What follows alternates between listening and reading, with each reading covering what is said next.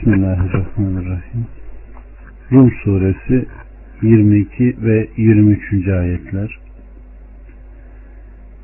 Gökleri ve yeri yaratması, dillerinizin ve renklerinizin birbirine uymaması da onun ayetlerindendir. Şüphesiz ki bunda bilenler için ayetler vardır. Geceleyin uyumanız, gündüz de lütfundan rızık aramanız onun ayetlerindendir. Şüphesiz ki bunlarda kulak veren bir kavim için ayetler vardır. Rabbimiz Subhanahu ve Teala bu ayetlerde de gökleri ve yeri yaratması onun yüce kudretine dalalet eden ayetlerindendir. Gökyüzünü bütün yükseklik ve genişliği, gök cisimlerinin şeffaflığı, sabit ve seyyareler halindeki yıldızların parlaklığı ile alçaklığı, kesafeti ve üzerindeki dağlar, vadiler, denizler, çöller, hayvanlar ve ağaçlarla yeryüzünü o yaratmıştır. Dillerinizin değişik olması da onun ayetlerindendir. Burada diller kastedilmektedir ki bazıları Arap diliyle, bazıları Tatar, bazıları Gürcü, bazıları Rumca, bazıları Frenkçe, bazıları Berber, bazıları Türk, Habeş, Hintli, Acem, Saklavi, Hazar, Ermeni, Kürt ve ancak Allah'ın bileceği Adem oğullarının değişik birçok dilleri vardır. Bunlara ilaveten renkleri, derilerin renkleri de değişiktir. Bütün yeryüzü halkının hatta Allah'ın Adem'i yaratmasından kıyametin kopmasına kadar bütün dünya ahalisinin tamamının iki gözü, iki kaşı, burnu, alnı, ağzı ve iki yanağı vardır. Ama onlardan hiçbiri bir diğerine benzemez. Gizli veya açık olsun, sima veya şekil veya söz olarak birini diğerinden ayıran mutlaka bir şey vardır. Düşünüldüğü zaman bu farklılık mutlaka ortaya çıkacaktır. Onlardan her birinin yüzü bizatihi bir ustuba, bir şekle sahiptir ki bir başkasına benzemez. Şayet bir cemaat, bir topluluk, güzellik veya çirkinlik sıfatlarından birinde tevafuk halinde olsa dahi onlardan her birini diğerinden ayıran bir ayrıcalık, farklılık ve mutlaka vardır. İşte Rabbimiz şüphesiz ki bunda da bilenler için ayetler vardır diyor. Geceleyin uyumanız, gündüz de lütfundan rızık aramanız onun ayetlerindendir. Allah subhanahu ve teala gece ve gündüz bize uyuma özelliği vermiş. Uykuda rahat, hareketlerin sukun ermesi, yorgunların, yorgunlukların gitmesi için nimetler vardır. Gündüzün ise sebeplere sarılma, yolculuk yapma, yeryüzünde yayılıp dolaşma gibi nimetler vermiştir ki bu uykunun zıttıdır. Şüphesiz ki burada da bilenler, anlayanlar için ayetler vardır. Aleyhissalatü Vesselam Efendimiz şöyle diyor, dur buyuruyor bakın. Allah'ım yıldızlar battı, gözler sakinleşti. Sen hay ve kayyum olansın. Ey hay, ey kayyum, gözümü uyut, gecemi sakinleştir. Evet. Uyuyamayan bir insana Aleyhisselatü Vesselam Efendimizin vermiş olduğu örnek dualardan birisi. Allah'ım yıldızlar battı, gözler sakinleşti, sen hay ve kayyum olansın. Ey hay, ey kayyum, gözümü uyut, gecemi sakinleştir. Amin ya Rabbi. Allah subhanahu ve teala da burada yine Rablığına işaret ediyor. Yaratıcılığına, efendiliğine, kainattaki her şeyin ihtiyacını anında bilip anında giderdiğine, yaşatan ve öldüren olduğuna ve buradan da insanları yarattığı şekle ve onların hayatını nasıl tanzim ettiğine işaret ediyor. Aynen de Aleyhisselatü Vesselam Efendimizin de bir sözünde buyurduğu gibi Allah Adem'i yeryüzündeki değişik değişik topraktan yaratmış. Onun için kimi siyah, kimi beyaz, kimi kırmızı, kimi bunların arasında bir renktir diyor. Kimi kayalar gibi sert, kimi ovalar gibi yumuşak, kimi verimli, kimi çorak diyor. Allah subhanahu ve teala bizleri verimli olanlardan eylesin. 24 ve 25 Size korku ve ümit vermek için şimşeği göstermesi, gökten su indirip ölümden sonra yeri onunla diriltmesi de onun ayetlerindendir. Doğrusu bunlarda akleden bir kavim için ayetler vardır. Göğün ve yerin onun emriyle ayakta durması da yine onun ayetlerindendir. Sonra sizi bir çağırmaya görsün. Yerden hemen çıkıverirsiniz. Evet. Allah subhanahu ve teala burada da size korku ve ümit vermek için şimşeği göstermesi onun azametine dalalet eden ayetlerdendir diyor. Çünkü şimşekten sonra meydana gelecek rahatsız edici yağmurlar ve helak edici yıldırımlardan dolayı bazen ondan korkarsınız, bazen de ihtiyaç duyulan yağmurun kendisinden sonra gelmesi için şimşeğin çakmasını umar, beklersiniz. İşte Rabbimiz Subhanahu ve Teala bu sebepledir ki gökten su indirip onunla ölümünden sonra hiçbir bitki veya başka bir şey olmamasından sonra yeniden diriltmesi de onun ayetlerindendir buyurmaktadır. Yeryüzüne su geldiği zaman harekete geçer, kabarır ve her çeşit bitkiden çift çift yetişir. Şüphesiz ki bunda öldükten sonra dirilmeye veya kıyametin kopmasına apaçık bir delalet ve ibret vardır. İşte bu sebepledir ki Allah subhanahu ve teala bunlarda düşünen bir kavim için ayetler vardır buyurmuştur. Allah subhanahu ve teala'nın göğün ve yerin onun emriyle ayakta durması da yine onun ayetlerindendir. Kavli aynen başka bir yerde buyruk olmadıkça göğü düşmemesi için o tutar. Yine muhakkak ki zail olmasınlar diye gökleri ve yeri tutan Allah'tır buyurmuştur. Ömer İbn Hattab yeminde zorlandığı zaman bakın ne der. Gökler ve yeryüzü onun emri ve buyruğu altına almasıyla ayakta durmakta. Sonra kıyamet günü geldiğinde yer başka bir yerle, gökler de başka bir gökle değiştirilecek. Ölüler kabirlerinden Allahu Teala'nın emri ve onları çağırması ile diriler olarak çıkacak. Bu sebepledir ki sonra sizi bir çağırmaya görsün. Hemen çıkıverirsin buyurmuştur. Evet. Nitekim başka bir ayette o sizi çağırdığı gün hamd ederek davetine uyarsınız ve çok az kalmış olduğunuzu zannedersiniz buyuruyor.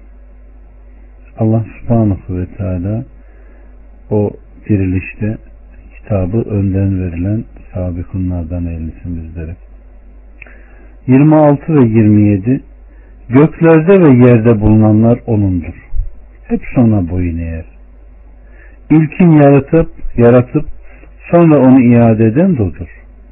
Bu onun için pek kolaydır. Göklerde ve yerde en yüce misal O'nundur. O azizdir, hakimdir. Evet. Aleyhissalatü Vesselam Efendimiz şöyle buyuruyor. Allahu Teala şöyle buyurur. Beni yalanlamaya hakkı yokken Adem oğlu beni yalanladı. Bana sövmeye hakkı yokken Adem oğlu bana sövdü.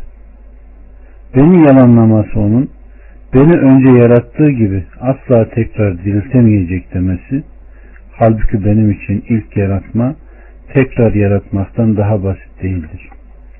Bana sövmesi ise Allah çocuk edindi demesidir. Halbuki ben dengi hiçbir şey olmayan, doğurmayan ve doğrulmayan ehad ve samet olanım. Evet. Bu hadisi Bukhari nakletmiştir. Evet. Allah subhanahu ve teala bizleri hayır ehlinden eylesin. Allah'a isyan eden değil, onu birleyen, onun emrine boyun eğen, dünyasını ihya eden ve ahirette de Allah'ın razı olduğu kulların arasına girenlerden eylesin. 28 ve 29 O size kendi nefislerinizden bir misal verdi. Size verdiğimiz rızıklarda sağ ellerinizin malik olduklarından ortaklarınız olmasını ister de onlarla eşit olur ve birbirinizi saydığınız gibi bunları da sayar mısınız? İşte aklını kullanacak bir kavim için ayetlerini böyle açıklarız. Hayır, o zulmedenler bilgisizce kendi heveslerine uymuşlar. Allah'ın saptırdığı kimseyi kim doğru yola iletebilir? Onların yardımcıları da yoktur.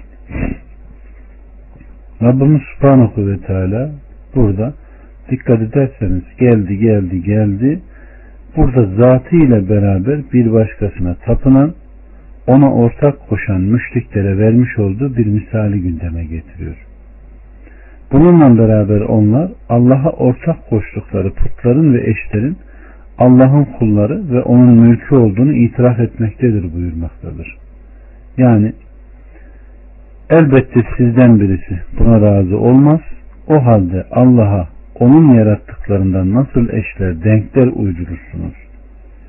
Yani yaratan benim, rızık veren benim, çeşit çeşit fırkalara ayıran, dillere ayıran, türlü türlü yiyecekler, içecekler veren, nimetler veren benim, onların yani tapmış olduklarınızın, bana eş koşmuş olduklarınızın hiçbirisi kendisine fayda vermediği halde ki siz de bunu bilip dururken nasıl hala eşler koşarsınız diyerek Allah subhanahu ve teala müşriklerin bulunduğu durumu ne yapıyor?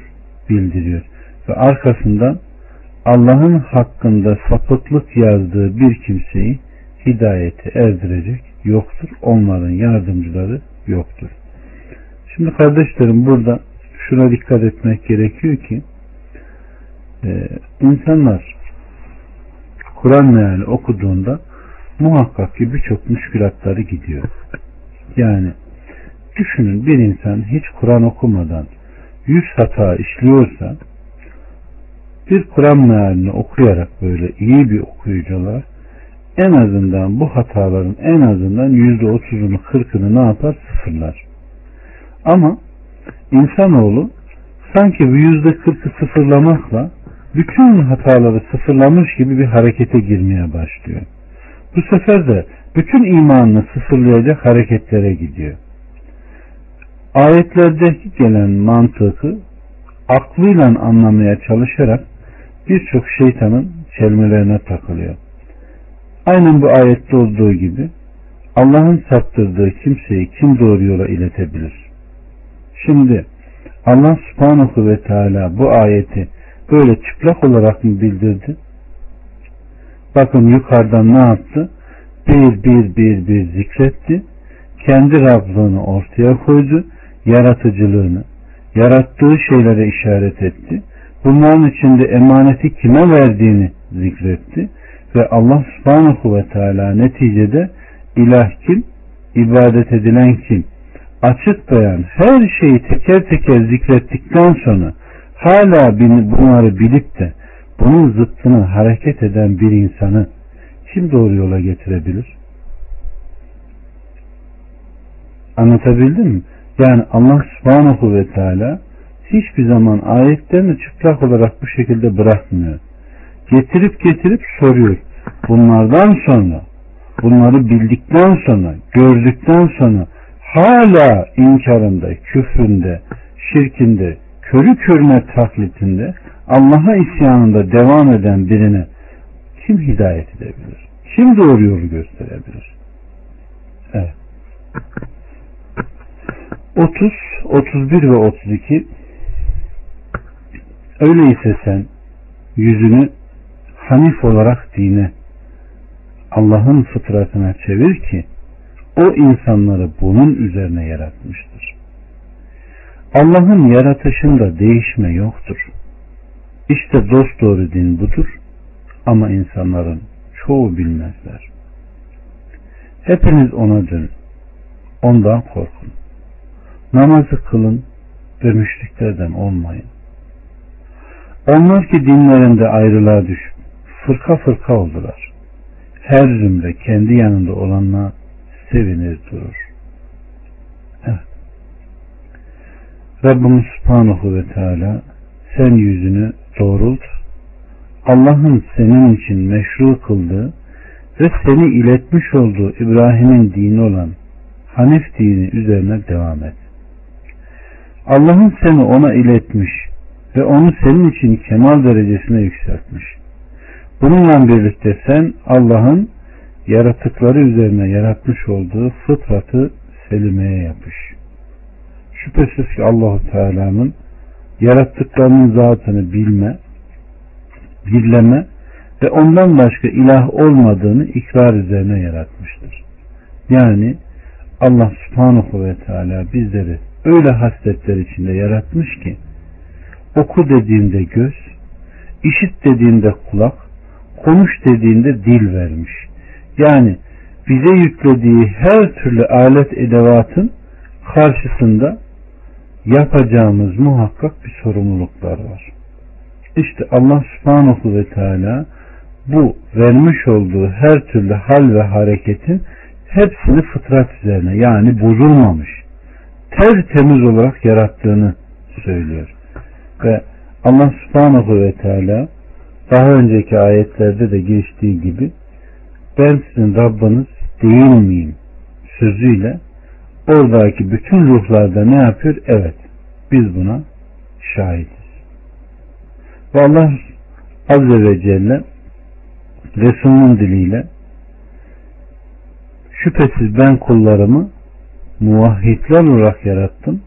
Sonra şeytanlar onları dinlerinden saptırdılar buyurmuştur. Veyahut bir hadis-i şerifte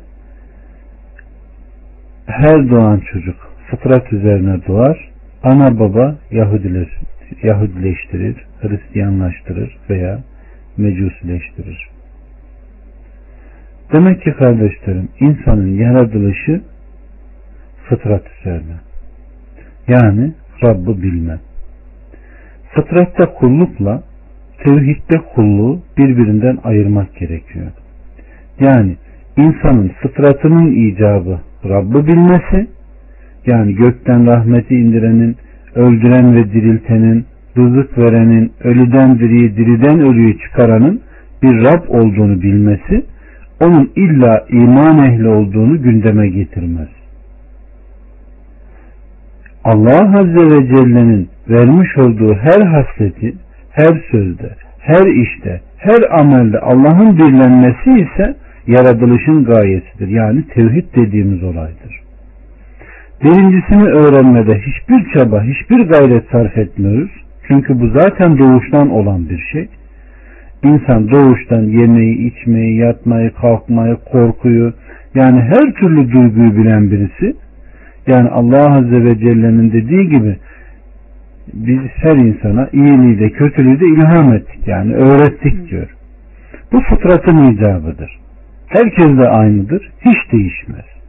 Ama insanoğlunun büyüme evreme dediğimiz aşamasında işte ana ve babanın takındığı tavır, onu büyütürken yapmış olduğu hal ve hareketler o insanın değişmesine Hristiyansa Hristiyan, Mecusi ise Mecusi veya Yahudi ise Yahudi, müşrik ise müşrik ne yapıyor? Olmasına sebep oluyor. İşte Allah subhanahu ve teala fıtratla tevhidi birbirinden çok kalın çizgilerle ayırmış ve fıtri icaplarla tevhidi icapların ölçüsünü koymuş. Nasıl? indirmiş olduğu vahiy ile. Kardeşlerim bizim birinci mükellefiyetimiz icbari kulluk dediğimiz seçme hakkına sahip olmadığımız ve Allah'ın razı olduğu çarkın içinde yapmakla mükellef olan bir elemanız. Yani acıkacaksın, susayacaksın, korkacaksın, buğz edeceksin, seveceksin vesaire. Bunlar Allah'ın razı olduğudur. İşte bu icbari kulluk dediğimiz mesele ihtiyari kullukla tanıştığında icbari kulluğun işi biter. Yani sağını solunu ayırt etmede senin en önemli ölçün insanların içinde değer almandaki en önemli ölçün akıldır. Bir çocuk dahi belli bir evreleri geçtiğinde akıl edemiyorsa herkes telaşlanmaya başlar.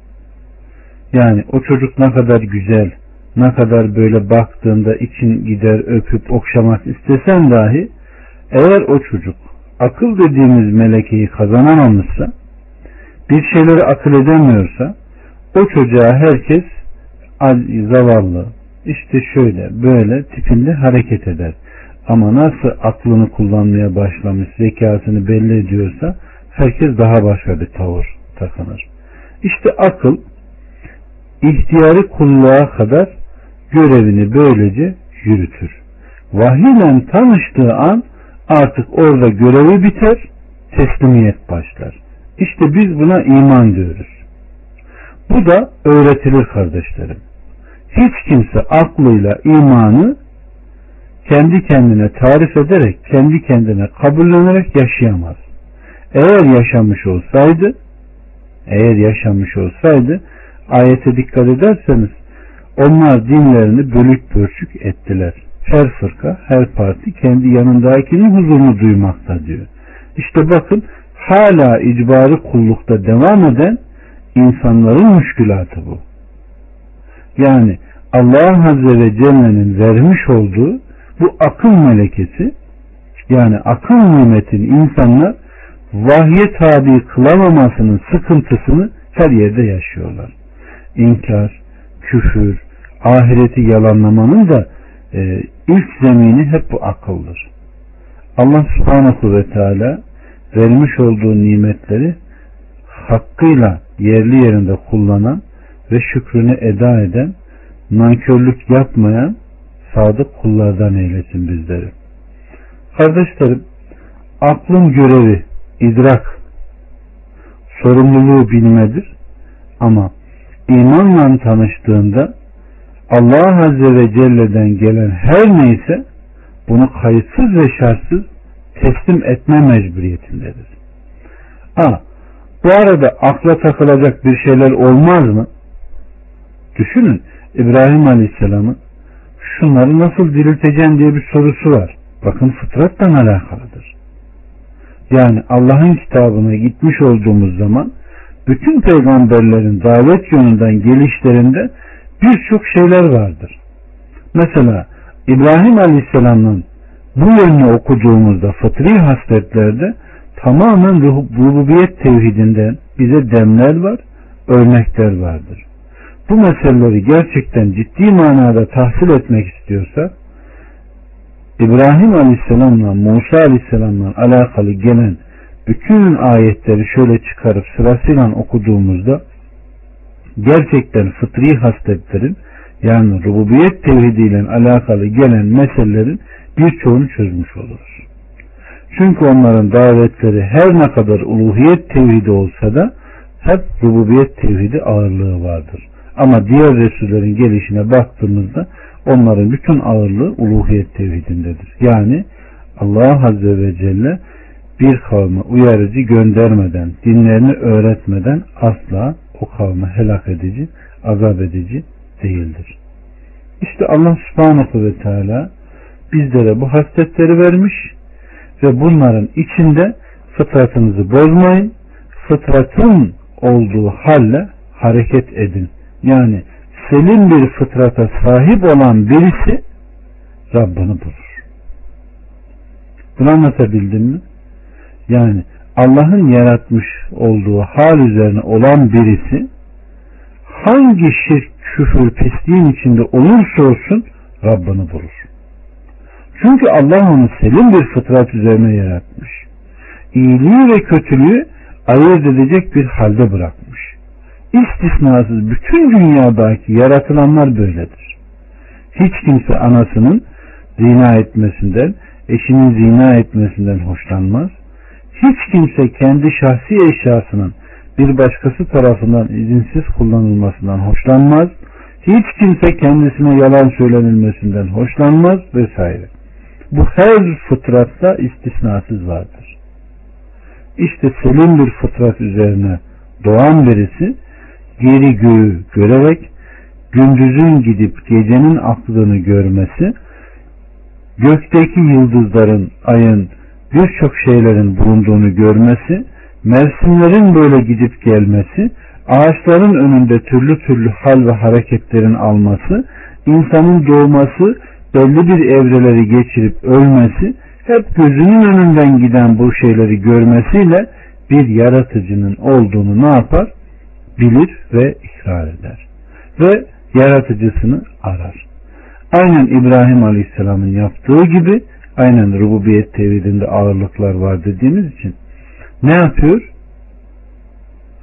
Yıldıza, aya, güneşe bakıyor. İşte bu benim Rabbim diyor. Neden? Çünkü Araf 172'de Allah subhanahu ve teala'nın bildirdiği gibi orada da Adem'in sulbünden kıyamete kadar gelecek bütün ruhlar çıkartıldı. İbrahim'in ruhu da oradaydı. Ama her ne kadar ikrar etsek de kardeşlerim Rabbimizi tanıyor muyuz? Var mı bir emare? Yok. Sadece bir ahit aldığımız gündemde. İşte İbrahim Rabbin varlığını fıtratı selimden buydu ama tanımıyordu. Tanımaması onun o sözleri söylemesine mazeret kılıyor. Çünkü öğretilmeyen, bildirilmeyen bir şeyde insan hangi kelimeyi kullanırsa kullanılsın, bugün öğretilen bir dinde karşılığı bunun küfür, sahibini de failini de kafir olarak itham edeceğimiz bir cümle olabilir ama düşünün bugün yıldıza veya güneşe veya aya birisi Rabbim dese o insanın şeran dindeki hükmü nedir? Direkt kafir olur değil mi? Ama bunu bilmeyen birisi bundan haberdar olmayan birisi bunu söylemişse senin onu itham etme mümkün değildir. Çünkü Allah hiçbir kavme uyarıcı Resul göndermedikçe azap edici değil. Onun için İbrahim Aleyhisselam'ın bu yönlü korkunç bir örnekliği var. Bütün Kur'an'ı baştan aşağı sırf İbrahim Aleyhisselam'la alakalı gelen ayetleri çıkarıp alt alta yazıp düzgün defalarca okuma insanın bu yönünü çok güzel tamir eder ve tahsil ettirir. İmanının artmasına, kulluğunun sağlam temeller üzerine insanı bina etmesine sebep kılar. Ha, Musa Aleyhisselam'la alakalı da birçok şey var. Düşünün Medyen'e geldiğinde ağacın kenarına oturuyor. Bu kul sana muhtaç yani karnım aç senin doyurmanı bekler diyor. Yediren içiren Allah. Yani ayakkabının tokasının dahi düştüğünde tamirini Allah'a havale etmen ve onun sana bir sebep kılmadan tamir etmenin bile imkansız olduğunu biz o Resullerden öğreniyoruz. Yani tevekkül, tevessül, tefekkür neymiş? İşte bu ayetler okunmadan gündeme gelmiyor. Düşünün aleyhissalatü vesselam Efendimiz eğer siz Allah'a hakkıyla tevekkül etseniz bakın dikkat edin burada hakkıyla tevekkül etseniz ne olur? Şu aç karna yuvadan havalanıp tok karna dönen kuşlar gibi rızıklandırılırsınız. Peki bu tevekkülün oluşmamasına sebep ne? Hepimiz fıtrat üzerine yaratılmadık mı? Şeytanın ilk yaklaştığı yer rızık endişesidir. Açlıkla korkutur insanı. Bakın Aleyhisselatü Vesselam Efendimiz bir gün seferdeyken bir koyun çobanının yanında konaklıyorlar. Çoban onlara taze süt sağıyor, ikram ediyor. Aleyhissalatü vesselam Efendimiz soruyor sahabelerine. O kadar güzel bir öğretme şeyi var ki Allah hepimize o yolda gitmeyi nasip etsin. Ashabına gösteriyor. Şu koyunlar mı çok yavrular yoksa şu çoban köpekleri mi diyor. Sahabe şöyle bakıyor. Tabii ki köpekler diyor. Bir batında kaç tane yavru var? Dokuz ya da on. Koyun kaç tane yavrular? Bir veya iki. Peki senede hangisi iki sefer yavrular? Köpekler diyor sahabe. Peki hangisi kesilir yenir? Sahabeler köpekler e, estağfurullah koyunlar. Peki hangisi çok? Hiç düşündünüz mü? Çobanın güttüğü köpek mi olması gerekiyor koyun mu? Köpeklerin çok olması gerekiyor değil mi? Hangisi çok? Sahabe hiç düşünmedi, hiç aklına getirmedi ama gözünün önünde olan vakayı o an hissediyor ve susuyor. Peki bu nedir diyor. Sahabe Allah ve Resulü en iyisini bilendir. İşte bu Allah'ın bereketi, işte bu Allah'ın bereketi, işte bu Allah'ın bereketi diyor. Allah subhanahu ve teala bizleri hakkıyla tevekkül eden, ihlaslı, samimi ve berekete uğrayan Müslümanlardan kılsın. Kanaatkar sahibi kılsın. Bunlar hep bizim gözümüzün önünde olan şeyler. Ama ne zaman iblisten tanıştık? Ne zaman iblise kapılarımızı açtık? İblis oradan girdi. Sanki ana rahminde dokuz ay bir kordon bağıyla beslenen biz değiliz. Sanki doğduktan sonra iki sene ana sütüyle beslenen biz değiliz. Elimiz ekmek tutana kadar ebeveynlerimiz tarafından beslenen, büyütülen biz değiliz. Elimiz ekmek tutup da cebimize 3-5 kuruş bir şey girdi mi hemen Rabbimize bir isyan, hemen bir sırt dönme var. Evet. Ataların dediği gibi yeri ekmeyen göğe bakmaz. Evet. Tarlayı eken çiftçi hemen samimiyetle, ihlasla kafayı göğe çevirir. Niye? Çünkü o attığı tohumu yeşertecek, yaşartacak, filiz çıkaracak ancak Allah o an bilir. İşte Allah verdikten sonra insan unutur. Allah unutanlardan bizleri eylemesin. İşte Rabbimizin Rabbimiz Subhanahu ve Teala'nın ben insanı hanifler olarak yarattım demesi işte buna işaret. Şeytan onları ne yapıyor? Kandırıyor. Allah subhanahu ve teala bizleri hakkıyla şükredenlerden ve Rabbına kulluğunu hakkıyla eda edenlerden eylesin. Aleyküm selam ve rahmetullahi ve Şimdi burada da Allah subhanahu ve teala hemen bu fıtratın yanında kardeşlerim o kulluğun üzerine bina ettiği bir ibadetten bahsediyor. Yani Aleyhisselatü Vesselam'ın ashabının da dediği gibi biz İslam'da namazın terkinden başka İslam'dan çıkaran bir hüküm bilmezdik, bir amel bilmezdik diyor. Namazı kılın da müşriklerden olmayın diyor. Demek ki insanoğlunun üzerinde inandım diyen insanoğlunun oğlunun üzerinde namaz dediğimiz tevhid eyleminin çok büyük bir hakimiyeti var. Allah subhanahu ve teala da hemen burada ayetlerinde namazı kılın ve müşriklerde ne yapmayın? Olmayın diyor.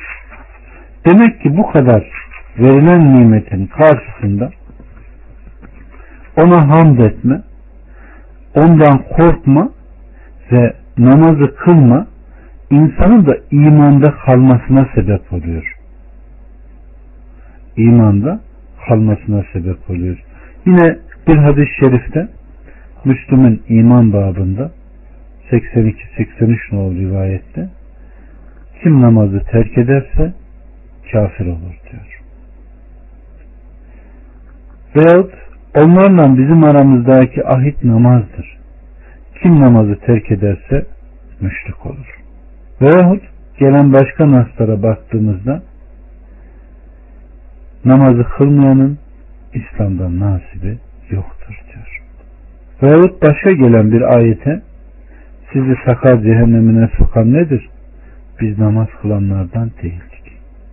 Batıla dalanlarla biz de dal artık diyor.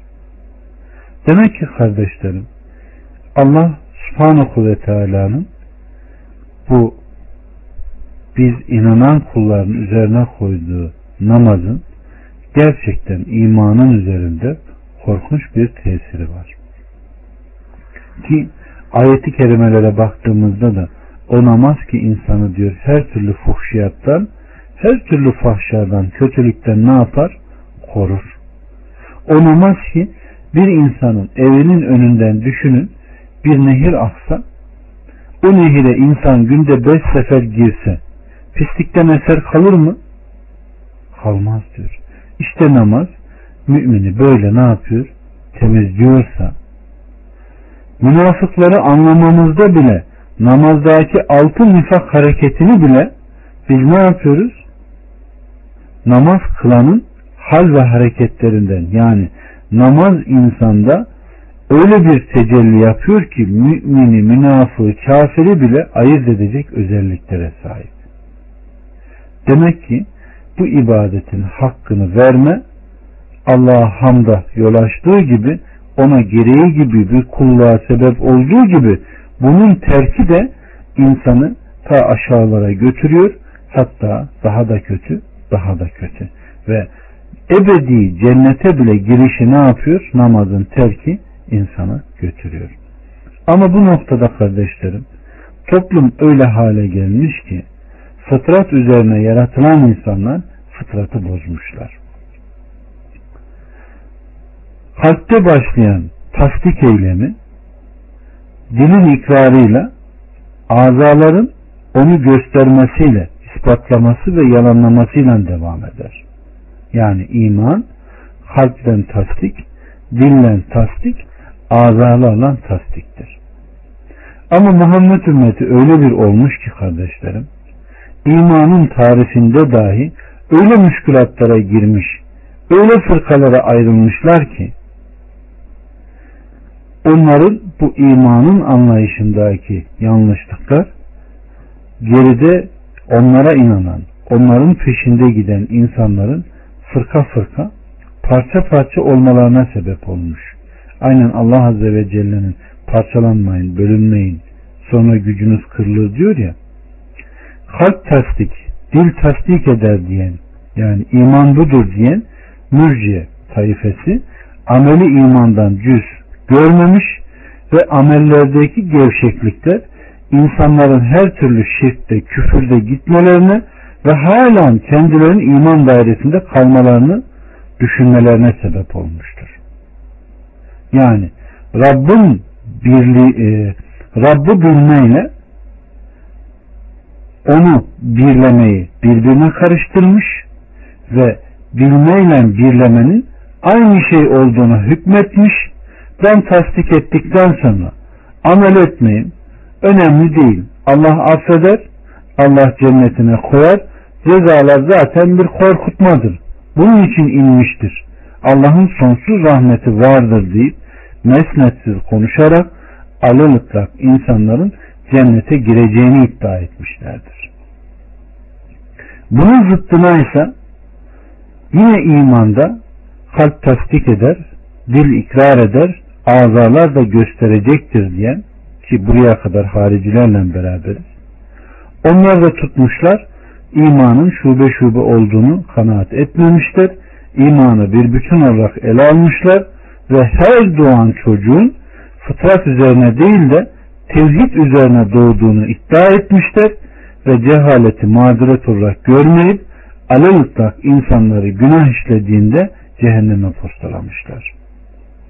Bakın Allah Azze ve Celle'nin vermiş olduğu bir akıl nimetini Allah'ın emrettiği yolda kullanamayıp da iblise kul eden insanların düştüğü durumlar.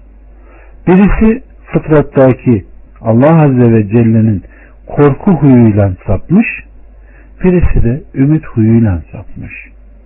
Yani her iki haslette bizde olan hasletler. Allah subhanahu ve teala bizleri hem korkan hem de ondan ümit edenlerden kılsın. Çünkü bizim itikadımız budur. Korkuyla ümit, hüsnü zan etme Allah Azze ve Celle'ye. korkuda sapıtırsan alelütlak insanları yani merhamet bile duymadan götürürsün. İşte iman kalpten tasdik, dillen tasdik, azalarla tasdik ve iman şube şubedir. En üstünü la ilahe illallah, en ednası da yoldan insanlara eziyet veren bir şeyi izale etmektir. Haya da imandan bir şubedir. Sırf bu hadisi şerif mürciye taifesine reddi olarak yeterlidir. Tevhid de şube şubedir kardeşlerim. Tevhidin de şubeleri vardır. Ama imandaki şubeler artar ve eksilir. İtaatlerle artar, masivelerle ne yapar? Eksilir. Bunun da Kur'an'da ve sünnette gelen birçok nasları, delilleri vardır. İnsanlar iyilik yaptıkça, güzellik yaptıkça, itaat ettikçe, Allah'ın emrini yerine getirdikçe ne yapar? İmanın arttığını hisseder. Ve Aleyhisselatü Vesselam Efendimizin de dediği gibi yapmış olduğun iyilikler seni sevindiriyor. İşlemiş olduğun kötülükler de seni üzüyorsa sen bir müminsin diyor. Yani diri bir kalbe sahipsin. Tevhidin şubeleri olmasına rağmen artma ve eksilme olmaz kardeşlerim. Tevhiddeki artma insanı Allah muhafaza şirke götürür yani müşrik kılar. Eksilme ise ne yapar? İlhat ehli kılar ki o da insanı dinden çıkarır. Ama imandaki şubeler misal namaz kılma, oruç tutma, zekat verme, iyiliği emretme, kötülükten nehyetme, doğru söz söyleme, hayal olma bunlar imandan şube olduğu gibi hayasızlık, yalancılık vesaire bunlar da küfürden bir şubedir. Yani yoldan insanlara eziyet veren bir şeyi kaldırman senin imandaki o şubenin kemale ermesine sebep olur ve imanın artmasına arkadan işleyeceğin birçok birçok amele işleme iştiyakı bulursun.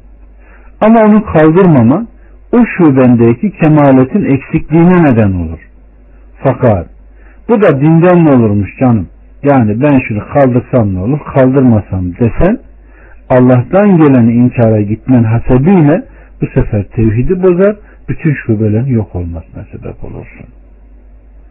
Allah subhanahu ve teala bizlere hakkıyla iman etmeyi, hakkıyla kendisine boyun eğmeyi ve Allah'ın bize vermiş olduğu bütün hasletlerde Rabbına boyun eğmeyi nasip etsin.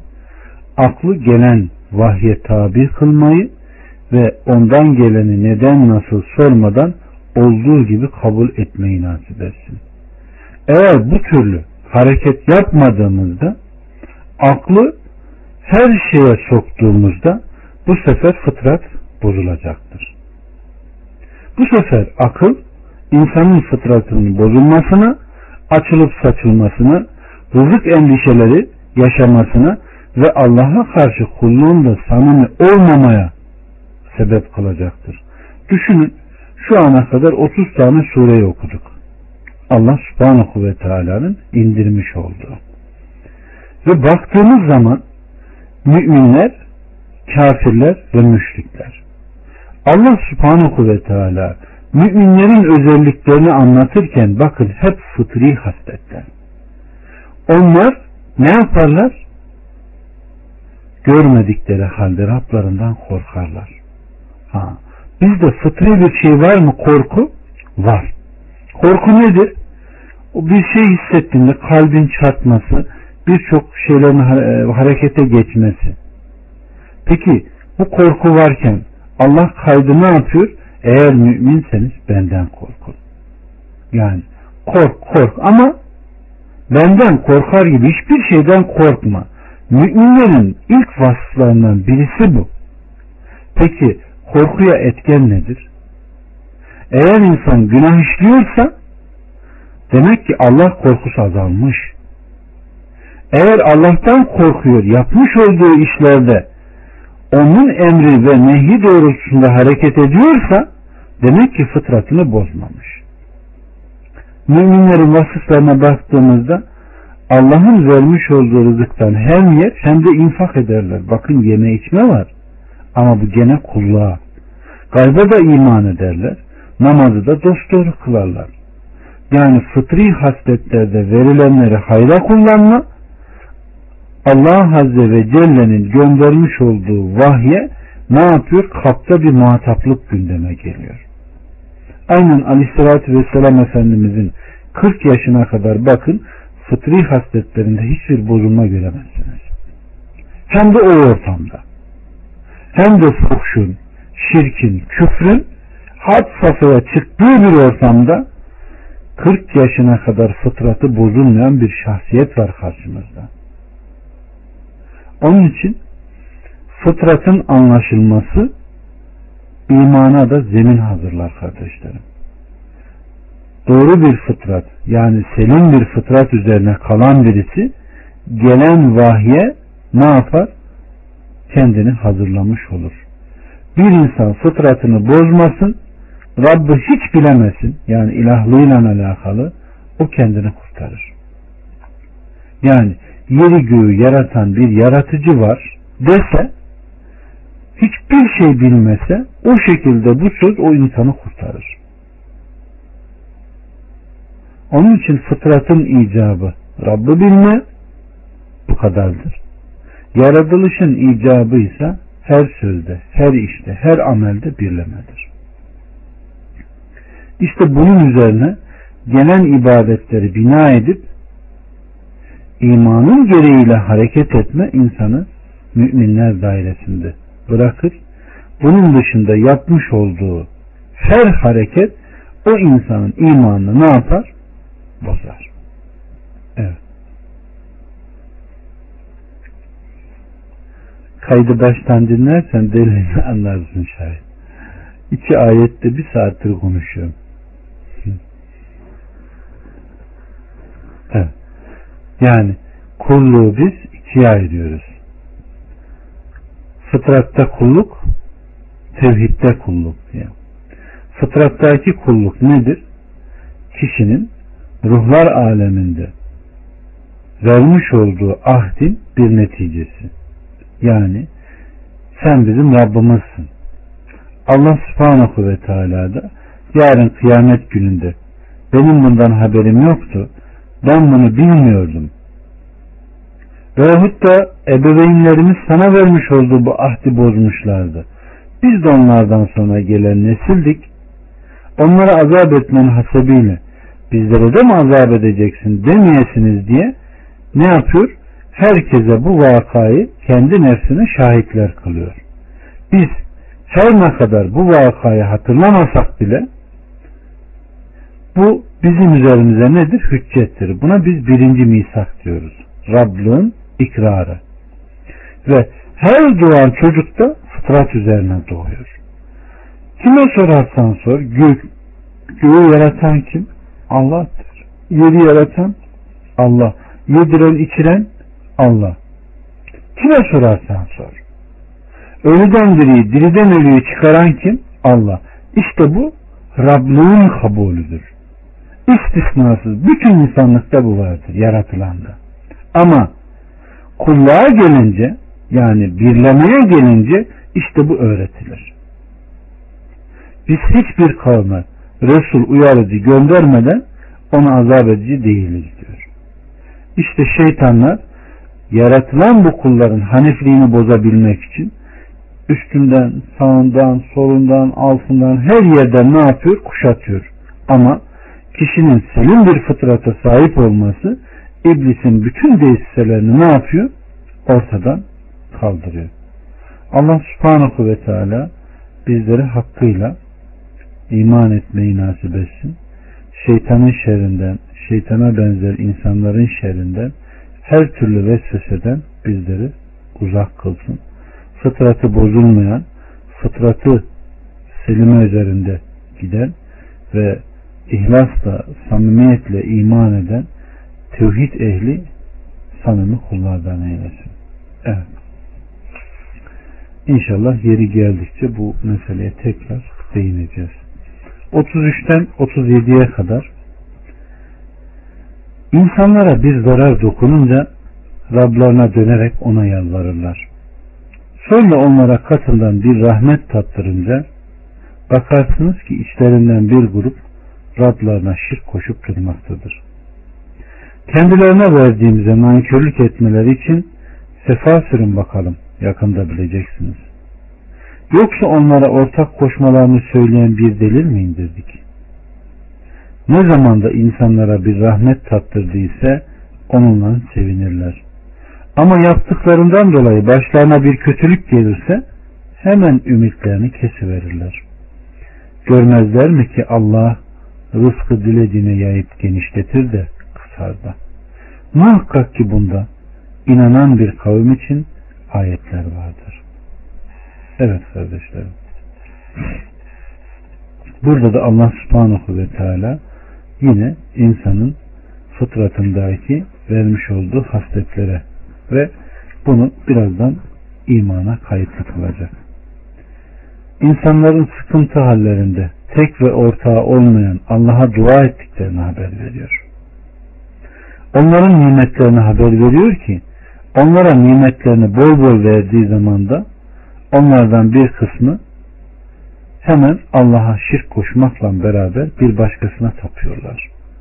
Yani kendilerine verdiğimize nankörlük etmeleri için ayetlerin Allah subhanahu ve teala indirdiği bu ayetinde hemen onlara bir şey verdiğimizde onlar hemen eş koşma yoluna giderler. Bakın Allah subhanahu ve teala'nın Resulünün şirkin misalini anlatırken Tirmizi'nin kitabı misalde sizin diyor bir köleniz olsa şirkin misalini anlatırken ona deseniz ki aha sana iş işte sana ev çalış kazan gösterdiği yerde yiyip içip yatsa ve ücretini getirip de bir başkasına verse bundan memnun olur musunuz diyor. İşte şirkin misali budur diyor. Allah subhanahu ve teala yaratacak, yedirecek, içirecek, besleyecek, büyütecek, şükrü, edası bir başkasına. İnsanın memnun olmadığından Allah Azze ve Celle memnun olur mu? İşte Rabbimiz Subhanahu ve Teala delilsiz, hüccetsiz, burhansız olarak putlara tapınmayı uyduran müşrikleri reddediyor ve onlara yoksa onlara ortak koştuklarını söyleyen bir delil mi indirdik diyerek soru soruyor. Ve Allah subhanahu ve teala ne zaman da insanlara bir rahmet tattırdıysak onunla sevinir ama yaptıklarından dolayı başlarına bir kötülük gelirse hemen ümitlerini kesiverir. Burada insan ayıplanmakta. Ki o ancak Allah'ın koruduğu ve muvaffak kıldığı bir varlıktan ibarettir. Halbuki insana bir nimet isabet ettiğinde şımarıp azar ve kötülükler gitti başımdan diyerek kendi kendine sevinir ve başkalarına karşı övünüp büyüklenir. Hud 17'de. Başına bir zorluk geldiğinde ise ümitsizliğe düşer ve bundan sonra da bütün bütüne bir hayrın gelmesinden ümidi keser.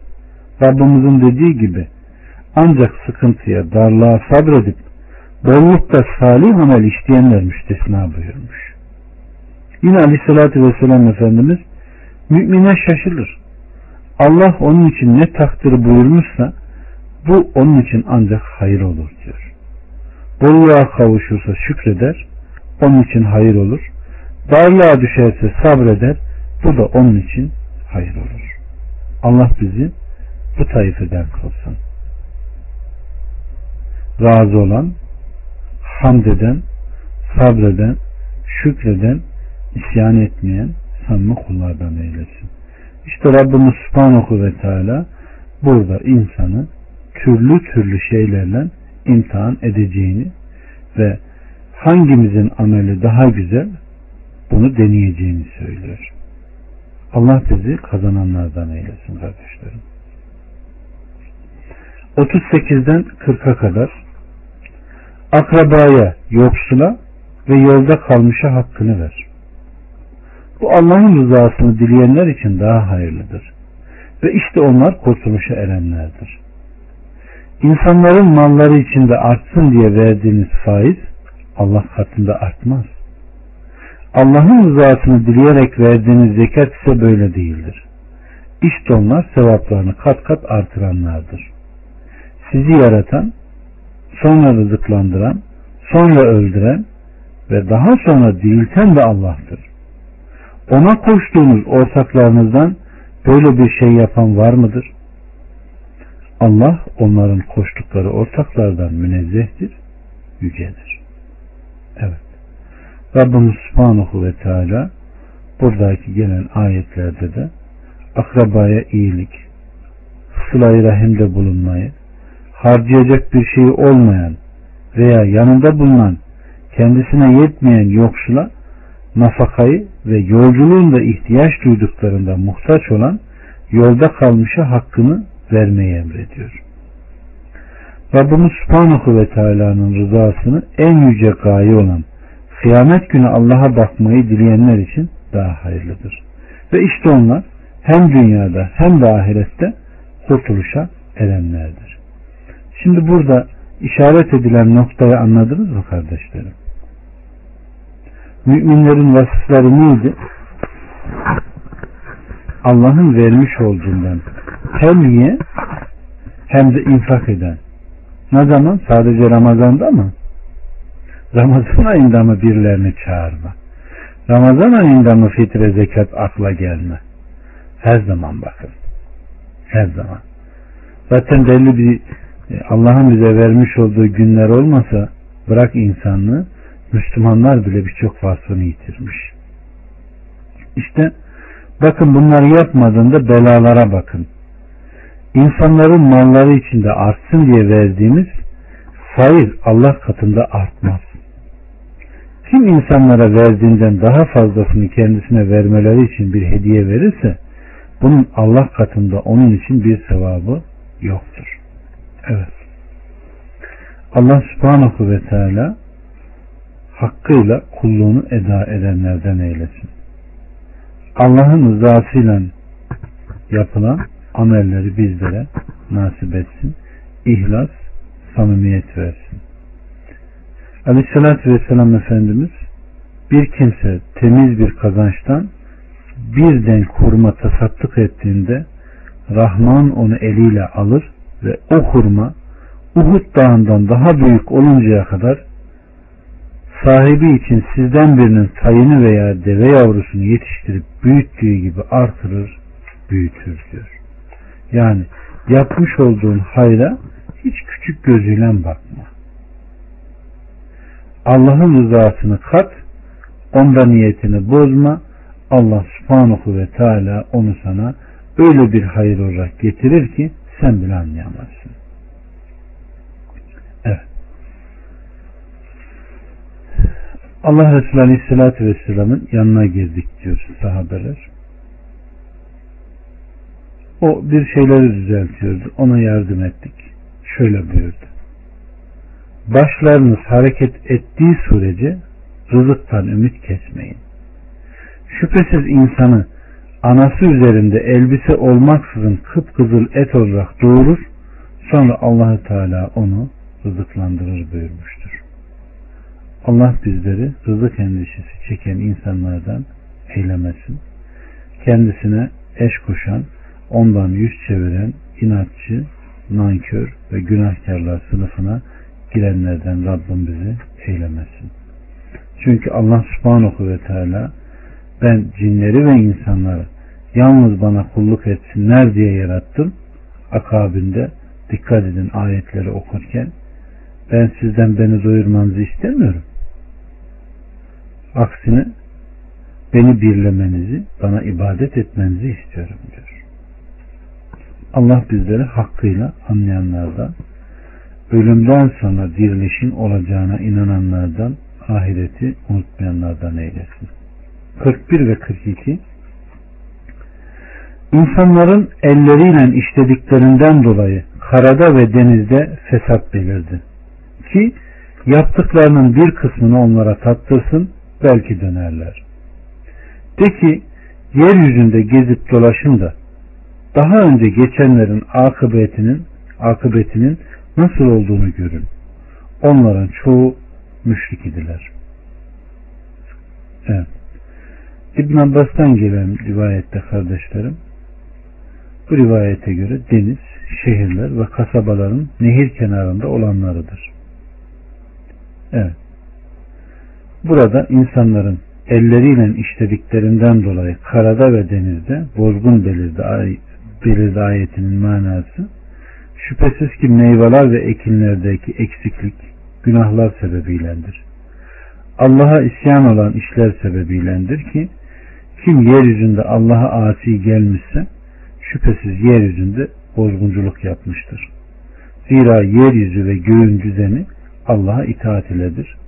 Bu sebepledir ki Ebu Davud'un rivayet olmuş, etmiş olduğu bir hadiste muhakkak ki yeryüzünde yerine getirilen, uygulanan bir had cezası yeryüzü ehli için onlara 40 sabah yağmur yağdırılmasından daha sevimlidir.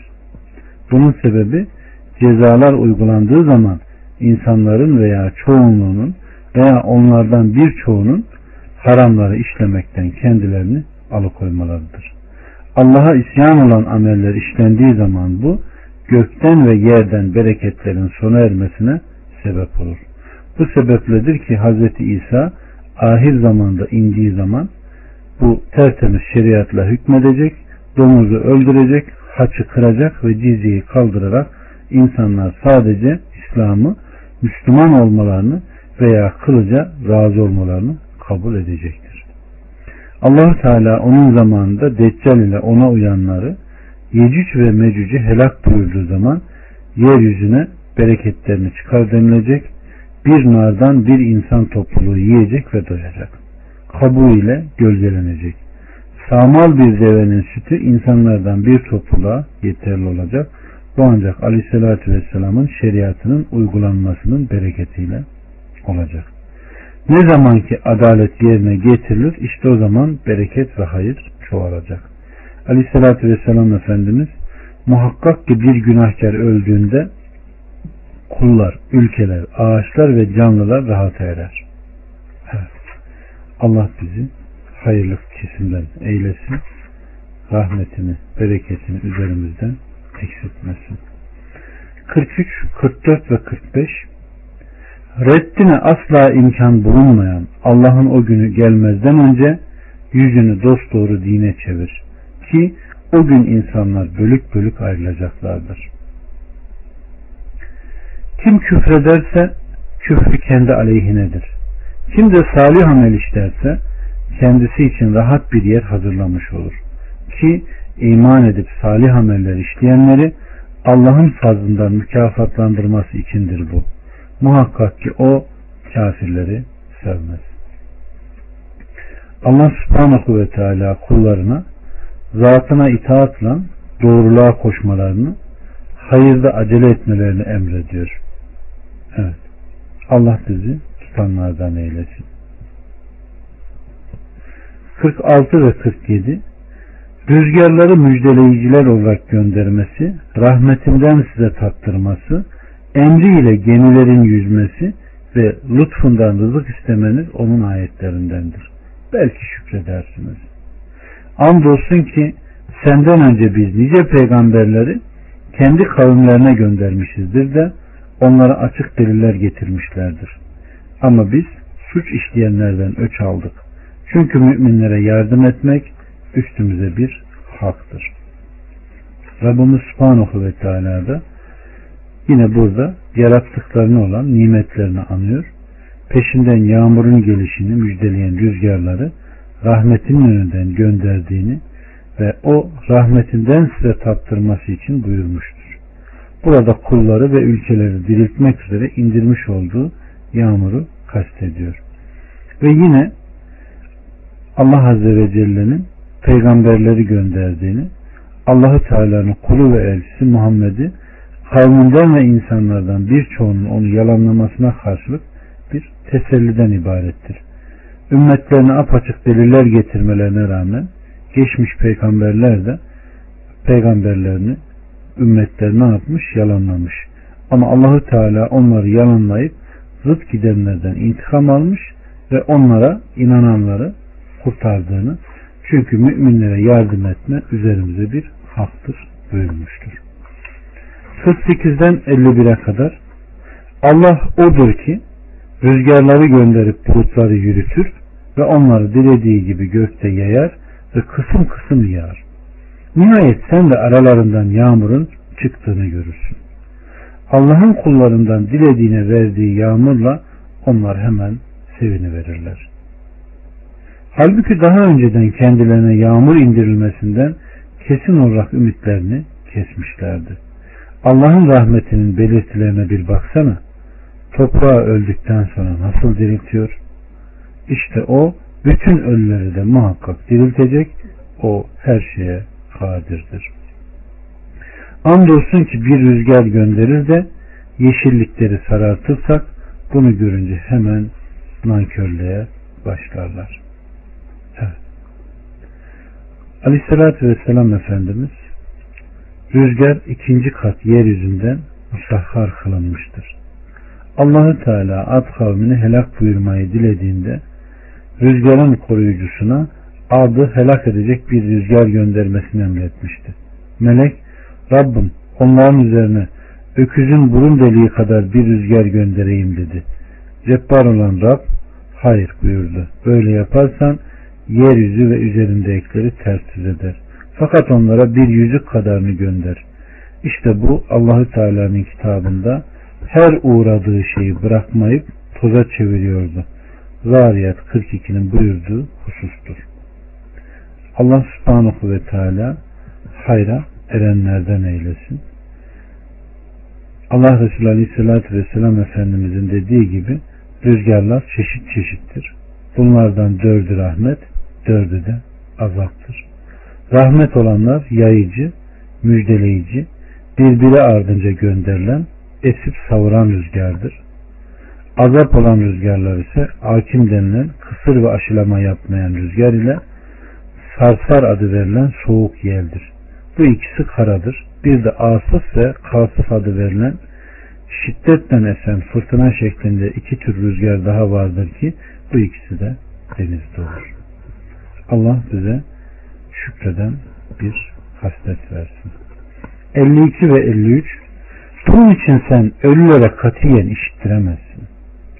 Dönüp giden sağırlara da daveti duyuramazsın. Körleri sapıklıklarından vazgeçirip doğru yola döndüremezsin. Sen ayetlerimizi ancak inananlara duyurabilirsin. İşte onlar Müslümanlardır. Evet. Rabbimiz Subhanahu ve Teala nasıl ki kabirlerdeki ölülere işittirmek, işitmeyen sağırlara sözümü ulaştırmak kudretine sahip değilsin ve bununla beraber sana arka çevirmektedirler. Aynı şekilde hakka karşı kör olanları hidayete erdirmeye ve onları sapıklıktan çevirmeye de güç yetiştiremezsin. Senin görevin davet, onlarınki ise ona uyup uymamak diyor. Biz seni onların başına bekçi koymadık. Sen ancak ücretini benden iste ve emri, emrimi onlara bildir diyor. Evet. Demek ki kişinin bunca nimeti görüp bunları tattıktan sonra Allah subhanahu ve teala'ya yüz çevirmesi yani nankörlüğünde devam etmesi yani isyanında devam etmesi kalbin ölmesine sebep oluyor. Kalp bu sefer teslim olacağına isyan etmeye başlıyor. Bu isyan dile ve azalara yansıyor. Aynen Aleyhisselatü Vesselam Efendimizin de dediği gibi fitneler yani günahlar, asilikler kalbe hasır çubukları gibi arz edilir. Hangi kalp bunu içerse siyah bir nokta olur. Ve o noktalar büyüdükçe kalp siyahlaşır, kaskat olur. Aynen diyor ters düz olmuş bir testiye benzer. Testin içi doluysa ters çevirdiğinizde ne olur? İçindeki boşalır değil mi? İşte o kalp ne marufu tanır ne de münkeri reddeder diyor. İşte böyle bir kalp, ölen bir kalp, Allah'ın nimetlerinin şükrünü eda edemeyen kalp nankörlükte gider. İşte bunlara ne anlatırsan anlat. Göz yok ki görsün. İbret alsın. Kulak yok ki hakkı işitsin. Çalgıdan, çengiden, haramdan. Kulağı öyle bozmuş ki. Gönül ki diyor. Onun önünde perdeler var. Yani öldükten sonra dirilmeyi inkar etmiş. Allah'ın verdiği nimetler içinde şaşırmış. İnkarında öyle gidiyor ki senin görevin sadece davet 12'de uyup uyumama diyor. Evet. Bu da davette bizim için çok büyük bir ölçü. Yani bazen insanlar ben bunu anladım sen de anla. Bak doğru bu diye dayatır ya işte bu cedelden başka hiçbir şeye yaramaz. Senin görevin sadece davet etme 12'de alıp almama. Hiçbir zaman üzerinde zorlama hakkın yok. 54 Allah odur ki sizi güçsüz olarak yaratmış, güçsüzlükten sonra kuvvetli kılmış, sonra da kuvvetliliğin ardından güçsüz ve ihtiyar yapmıştır. O dilediğini yaratır, o alemdir, kaderdir. Burada da Allah subhanahu ve teala yine bize işaret ediyor. Fıtratımıza işaret ediyor. İnsanın yaratılışındaki tavırlarında bir halden başka bir hale geçip durduğunu haber veriyor. İnsanın aslı topraktan, sonra muhteden, sonra bir kan pıhtısından, sonra bir çiğnemetten. Bunlardan sonra kemik olmuş, kemiğe et giydirilmiş ve ona ruh üfürülmüştür. Daha sonra anasının karnında zayıf, nahif, güçsüz, kuvvetsiz olarak çıkmış. Daha sonra yavaş yavaş gelişip küçük bir çocuk, yeni bir yetme genç, erginliğe ulaşmış bir genç, delikanlı olmuş. Bu güçsüzlükten sonra kuvvet, sonra zayıflamaya başlamış. Önce orta yaşlı bir insan, sonra ihtiyar, sonra piri fani olmuş. İşte bu da kuvvetten sonra zayıflık ve güçsüzlüktür. Himmeti, hareketi ve gücü zayıflamış, saçları ağarmış, açık ve gizli özellikleri değişmiştir. İşte Rabbimiz Subhanahu ve Teala'nın sonra da kuvvetliliğin ardından güçsüz ve ihtiyar yapmıştır. O dilediğini yaratır buyuruyor. Allah bizi her halükarda kendinden korkan, ibadetleri ihlasla yapanlardan eylesin. 55'ten 57'ye kadar kıyametin kopacağı gün suçlular bir saatten başka kalmadıklarına yemin ederler. İşte onlar böylece aldatılıp döndürülürler. Kendilerine bilgi ve iman verilenler andolsun ki Allah'ın kitabında yazılan o yeniden diriliş gününe kadar kaldınız. İşte bu yeniden diriliş günüdür. Ama siz bilmiyordunuz derler. Zulmedenlerin o gün mazeret beyan etmeleri fayda vermez. Artık kendilerinden Allah'ın hoşnut olacağı şeye dönüşleri de istenmez. Allah subhanahu ve teala kafirlerin dünya ve ahirette bilgisiz olduklarını haber vererek dünyada putlara tapınma bilgisizliğini göstermiştir. Ahiretteki bilgisizlikleri ise daha büyük bir bilgisizlik olacaktır. Onların dünyada bir tek saat kaldıklarına dair Allah'a yemin edecek olmaları onların bu bilgisizlikleri cümlesindendir. Onlar bununla aleyhlerine hüccet, hüccet konulmadı, onlara mühlet verilmedi ve dolayısıyla özürlerinin kaldırılmadığı niyeti ve kastıyla böyle söyleyecekler. İşte Rabbimiz Subhanahu ve Teala işte onlar böylece aldatılıp döndürülürler. Kendilerine bilgi ve iman verilenler andolsun ki Allah'ın kitabında yazılan o yeniden diriliş gününe kadar kaldınız derler. Buyurur ki inanan bilgin kimseler dünyadayken onların aleyhine nasıl hüccet koymuşlar ise ahirette de kendilerine cevap verecek ve bir saatten başka dünyada kalmadıklarına yemin ettikleri zaman onlara yaratıldığınız günden yeniden diriltildiğiniz güne kadar amellerin yazıldığı kitapta o yeniden diriliş gününe kadar kaldınız. İşte bu yeniden diriliş günüdür ama siz bilmiyorsunuz diyecekler. 58'den 60'a kadar andolsun ki bu Kur'an'da insanlar için her türlü misali irad etmişizdir. Bununla beraber sen onlara herhangi bir ayet getirmiş olsan küfrederler. Siz ancak batıl şeyler ortada atanlarsınız derler. İşte Allah bilmeyenlerin kalplerine böyle damga basar. Sabret şüphesiz ki Allah'ın vaadi haktır. Yakinen inanmayanlar seni hafifliğe itmesinler. Aleyküm selam ve rahmetullah. Amin. Hoş geldiniz. Allah subhanahu ve teala bu ayetlerde de andolsun ki Kur'an'da insanlar için her türlü misali irade etmiş, gerçeği onlara apaçık beyan etmiş ve hakkı layıkıyla anlayıp tabi olmaları için onda kendilerine misaller vermiştir. Bununla beraber sen onlara herhangi bir ayet getirmiş olsan küfrederler. Siz ancak batıl şeyler ortaya atanlarsınız derler. Yani onlar ister kendi teklifleriyle ve gerekse başka şekilde olan herhangi bir ayet, bir mucize görseler ona inanmazlar. Onun bir büyü veya batıl olduğuna inanırlar. Evet. Hemen damgayı basarlar. Allah subhanahu ve teala hakkıyla iman edenlerden eylesin. Çünkü Rabbimiz subhanahu ve teala dünyadayken yakinen inananlara ahirette karşılığını hakkıyla verecek. Dünyada inkar edenlere ahirette de hakkıyla karşılığını verecek.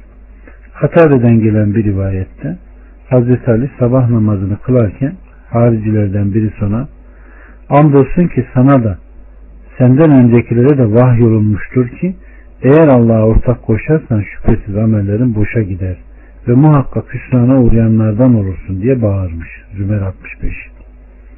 Ali susup onu dinliyor. Söylediğini anladıktan sonra namazdayken ona şöyle cevap veriyor. Sabret. Şüphesiz ki Allah'ın vaadi haktır. Yakinen inanmayanlar seni hafifliğe itmesinler. Evet. Bu sureyi şerife fazileti ve sabah namazında okunmasının müstehap olduğuna dair de birçok rivayetler gelmiştir. Aleyhissalatü vesselam ashabına sabah namazını kıldırmış ve namazda Rum suresini okumuştu. Allah subhanahu ve teala bu surenin faziletiyle hepimizi bereketlendirsin. Öğrendiğimiz ayetlerle ilim etmeyi ve amel etmeyi hepimize nasip etsin. Rabbimiz kabirde azık kılsın, cehaletimizi gidersin ve hepimizi tevhid ehli kalsın. والحمد لله رب العالمين.